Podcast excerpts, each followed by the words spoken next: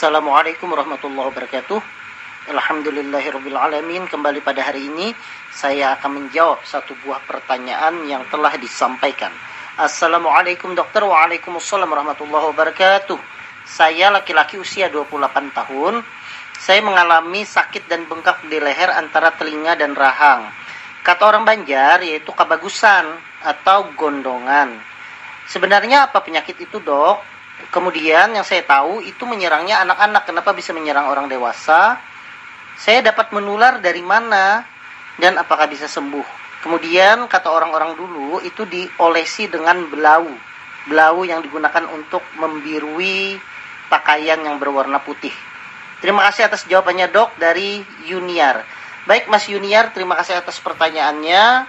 Jadi Mas Junior sekarang lagi bengkak di leher ya antara telinga dan rahang. Dan dikatakan bahwa itu adalah kebagusan atau gondongan. Ya baik bengkak di leher memang e, kalau di daerahnya itu adalah daerah antara telinga dengan leher, ya itu adalah daerah kelenjar ludah atau kelenjar liur. Nah kalau itu membengkak biasanya itu karena adanya suatu penyakit yang disebut dengan kebagusan atau gondongan. Jadi sebenarnya gondongan itu itu adalah suatu peradangan dari kelenjar parotis. Kelenjar parotis itu adalah kelenjar yang berfungsi untuk memproduksi air liur sehingga kadang orang menyebutnya dengan kelenjar ludah atau kelenjar liur. Apa penyebabnya? Penyebabnya itu karena infeksi dari virus jadi gondongan itu ditandai dengan pembengkakan pada pipi penderita. Nah, salah satunya Pak Yuniar. Memang e, secara umum itu dikatakan bahwa dia itu banyak diderita oleh anak-anak. Cuma tidak menutup kemungkinan gondongan itu juga diderita pada orang dewasa. Jadi seperti yang saya jelaskan tadi dia disebabkan karena virus. Virus penyebabnya itu adalah paramyxovirus. Nah, sebenarnya virus ini itu harusnya bisa kita cegah ketika kita dulu itu mendapatkan vaksin. Nama vaksinnya itu adalah MMR. Nah, salah satunya MMR itu singkatan dari MAM atau penyakit gondongan atau e, parotitis kita menyebutnya. Nah, kalau mendapatkan vaksin itu kemungkinan untuk terkena gondongan itu sebenarnya sangat rendah karena sudah terbentuk antibodi untuk mencegah virus itu berkembang biak di tubuh kita. Nah, apakah dia bisa menular? Ya tentu, karena dia itu penularannya itu kena percikan air liur atau lendir yang keluar dari mulut dan hidung penderita. Kemudian virus itu terhirup oleh orang lain sehingga bisa menyebabkan penularan. Biasanya penyembuhannya itu cukup mudah.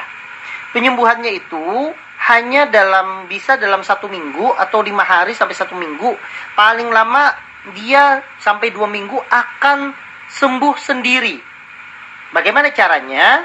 Yaitu dengan cara memperbanyak istirahat atau mencukupkan tidur kemudian memperbanyak air minum air putih. Kemudian kan gondongan ini kan terasa nyeri. Jadi daerah yang bengkak itu bisa dikompres dengan air hangat atau air dingin.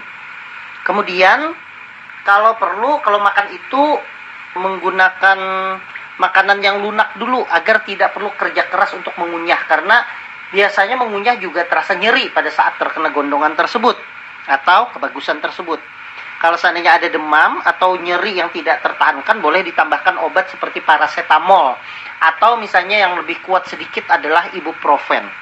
Nah, jadi sebenarnya penyakit ini bisa sembuh sendiri. Kata orang tua dulu diolesi dengan belau Bagaimana? Ya pada saat dulu mungkin akses pengobatannya tidak terlalu banyak. Mungkin paracetamol atau ibuprofen masih tidak banyak diproduksi. Maka mereka mengoleskan dengan belau. Tujuannya sebagai apa? Sebagai kompres sebenarnya.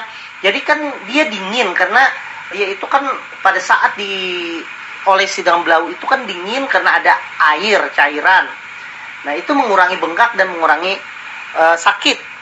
Kalau sekarang ya tidak perlu karena sebenarnya tidak ada hubungan belau dengan penyakit untuk membunuh virus tersebut karena virus tersebut nanti akan akan dibunuh oleh antibodi kita sendiri kalau seandainya daya tahan tubuh kita kuat.